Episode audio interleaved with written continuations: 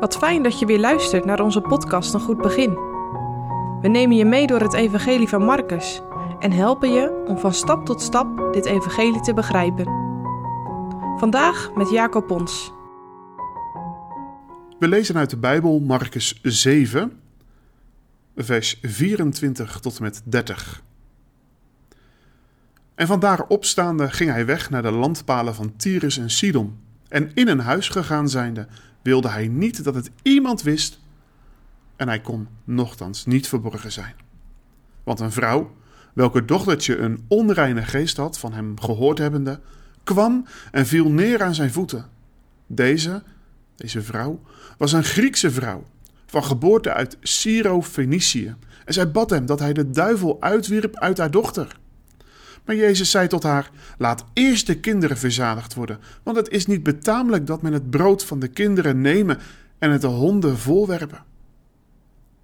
Maar zij antwoordde en zei tot hem: Ja, heren, maar ook de honden eten onder de tafel van de kruimeltjes van de kinderen. En hij zei tot haar: Om deze woords wil, ga heen. De duivel is uit uw dochter uitgevaren. En als zij in haar huis kwam, vond zij dat de duivel uitgevaren was en de dochter liggende op het bed. Je bent een hond. Nou, als dat tegen mij gezegd zou worden, ik zou behoorlijk boos zijn. Het is niet heel vriendelijk gezegd en het is op zijn minst een, een behoorlijke, nou ja, eigenlijk een onbehoorlijke belediging. En toch zegt de Heer Jezus dit tegen een vrouw in de landstreek Tyrus en Sidon. Hij is naar het noorden vertrokken. En in deze streek, in dit gebied, wonen vooral heidenen. En juist in dit gebied wil hij zich even terugtrekken. Het lijkt of hij even tot rust wil komen. Niemand hoefde te weten dat hij daar in een huis verbleef. En toch? Hij kan niet verborgen blijven. Een vrouw, een moeder, heeft over Jezus gehoord.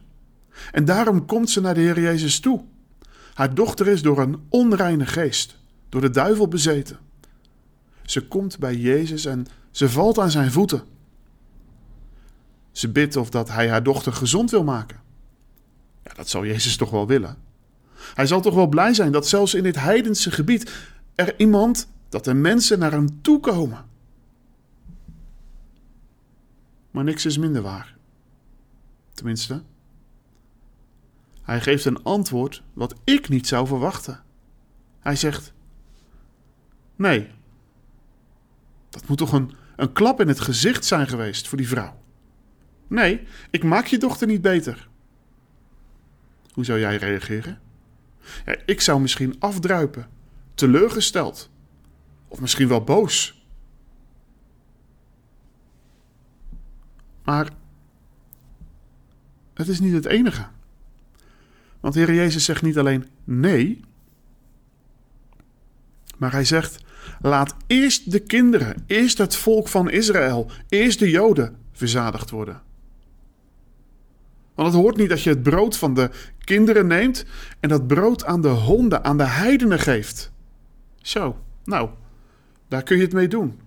Hij noemt haar dus een, een hond. Ja, dat kan toch niet? Dat is toch een botte afwijzing. En het lijkt wel alsof de Heer Jezus zegt: eigen volk eerst.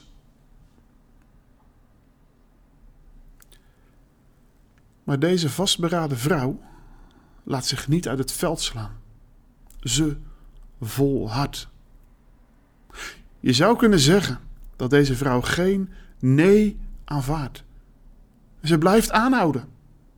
Ja, u heeft gelijk. Maar die honden eten toch de kruimels ook op die van de tafel vallen. Ze is niet te groot om zich te vernederen voor de Heer Jezus. Ze heeft al genoeg aan één kruimeltje. Laat me dan maar een hond zijn. Laat mij dan maar zo'n schooier zijn. En ze buigt. In geloof. En dat is haar kracht. Ontroerend. Jezus wordt niet boos om haar reactie. Maar hij zegt tegen deze vrouw: Dat heb je goed gezegd. En ga daarom maar terug naar huis. Je dochter is genezen. Is Jezus onwillig om naar jou te luisteren? Zeker niet. Hij wil je stem horen. Niet één keer, maar voortdurend. Ooit zei een dominee: Bij de Heere mag je heilig zeuren. Soms laat hij je wachten. Maar hou aan. Blijf bidden en blijf hem heilig lastigvallen. Denk jij ook dat God niet naar jouw gebed luistert? Ervaar je dat de Heere steeds nee, ik luister niet naar jou zegt? Laat dit Bijbelgedeelte je dan aansporen.